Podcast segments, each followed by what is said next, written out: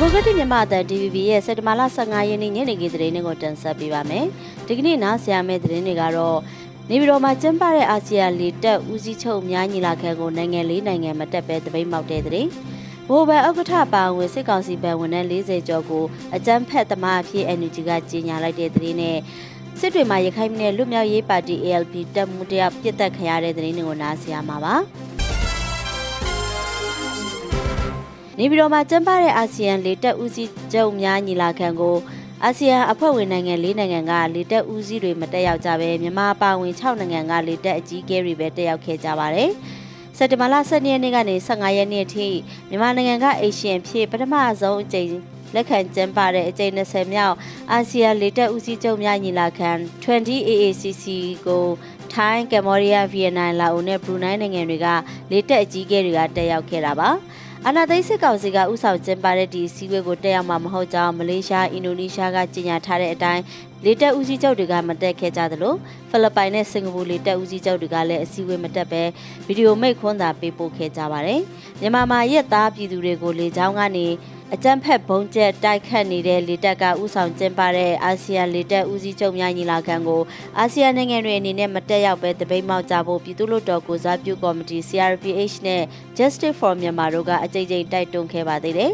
။စစ်ကောင်စီလေတပ်ဟာပြီးခဲ့တဲ့နှစ်တွေအတွင်းလေကြောင်းကနေအကြိမ်300ကျော်တိုက်ခတ်ခဲ့တယ်လို့ကုလသမဂ္ဂကထုတ်ပြန်ထားပါတယ်။ပြီးခဲ့တဲ့2022ခုနှစ်တုန်းကပြစ်ခတ်ခံရမှုတဲ့စစ်ကောင်စီလက်ခံဗဟိုဘဏ်ခရတော်တန်တန်းဆွေအပါဝင် ဝန်ထမ်း40ကျော်ကိုအကြမ်းဖက်မှုတိုက်ဖျက်ရေးဥပဒေနဲ့ညီအကြမ်းဖက်သမားတွေဖြစ်သတ်မှတ်ကြောင်းမြို့သားညီညွတ်ရေးအစိုးရအန်ယူဂျီကထုတ်ပြန်ပါတယ်။အကြမ်းဖက်သမားတွေဖြစ်သတ်မှတ်ခံရသူတွေထဲမှာဗဟိုဘဏ်ဒုဥက္ကဋ္ဌတွေဖြစ်တဲ့ဦးစောမြင့်နိုင်နဲ့ဒေါက်တာလင်းအောင်အမြဲတမ်းအတွင်းဝင်ဦးအောင်အောင်တို့အပြင်ညွှန်ကြားရေးမှူးချုပ်တွေဒုညွှန်ကြားရေးမှူးချုပ်တွေညွှန်ကြားရေးမှူးတွေစုစုပေါင်း44ဦးပါဝင်တာဖြစ်ပါတယ်။ NUG ဆိုရအကြမ်းဖက်မှုတိုက်ဖျက်ရေးဗဟိုအဖွဲ့ကအကြမ်းဖက်မှုတိုက်ဖျက်ရေးဥပဒေပုံမှအခုလိုထုတ်ပြန်လိုက်တာဖြစ်ပြီးအကြမ်းဖက်မှုတိုက်ဖျက်ရေးဥပဒေပါပြဋ္ဌာန်းချက်တွေနဲ့အညီအရေးယူဆောင်ရွက်သွားမယ်လို့ဆိုပါတယ်စစ်ကောင်စီအနေနဲ့အဆိုပါကြမ်းဖက်လုပ်ရက်တွေကိုကျူးလွန်နိုင်ရေးအတွက်ဗဏ္ဍာငွေထောက်ပံ့ငွေကြေးစီစဉ်မှုနိုင်ငံခြားတိုင်းပြည်တွေကလေရင်စီပါဝင် လူအများပြားတည်ကြည်ပျက်စီးနိုင်တဲ့လက်နက်တွေဝယ်ယူတာ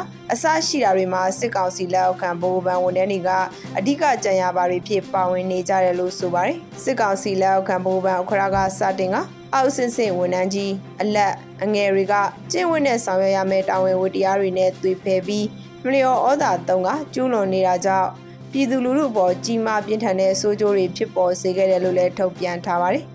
ရခိုင်ပြည်နယ်စစ်တွေမြို့မှာစက်တဘာလ15ရက်နေ့ဒီကနေ့နေ့လယ်ပိုင်းကရခိုင်ပြည်နယ်လွတ်မြောက်ရေးပါတီ ALP ရဲ့တရင်မှုခိုင်ပြည်ဟိန်ခခိုင်သူဟိန်တနက်နဲ့ပြစ်တက်ခံရလို့ပွဲချင်းမိတည်ဆုံးသွားတယ်လို့မျက်မြင်သက်သေတွေကပြောပြပါဗျ။စစ်တွေမြို့ရခိုင်ပြည်နယ်ဆိုရရုံအနီးရှိကြောက်ကြီးလန်းရက်ကွက်ကျေးနေရုံရှိမှာဒီကနေ့မိုးလယ်12နာရီကျော်လောက်က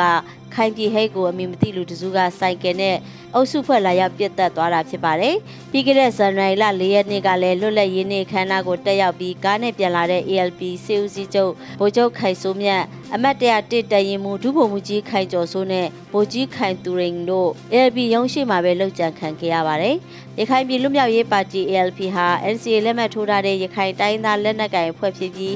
စစ်တပ်အာဏာသိမ်းပြီးတဲ့နောက်မှာတော့နေပြည်တော်ကိုအကြိမ်ကြိမ်တွားရောက်ပြီးစစ်ကောင်စီနဲ့တွေ့ဆုံဆွေးနွေးတဲ့အဖွဲ့ဖြစ်ပါတယ်။လက်ရှိရောင်းချနေတဲ့ MTA ဆန်တွေကိုကုန်သည်တွေကစကွဲတွေနဲ့ရောနှောရောင်းချနေတယ်လို့မြန်မာနိုင်ငံစံတဘာအသင်းချုပ်နဲ့နှီးဆက်သူတွေစီကနေသိရပါတယ်။စံစင်းနှုန်းတည်ငြိမ်စေဖို့အတွက်တပီကိုကျပ်2500နဲ့ရောင်းချပေးနေတဲ့ MTA ဆန်တွေကိုမြန်မာနိုင်ငံစံတဘာအသင်းချုပ်ကရေးသွေးပြည့်မီတဲ့ဆန်တွေချထားပေးပေမဲ့ကုန်သည်တွေကအမျက်စွန်းမရတာကြောင့်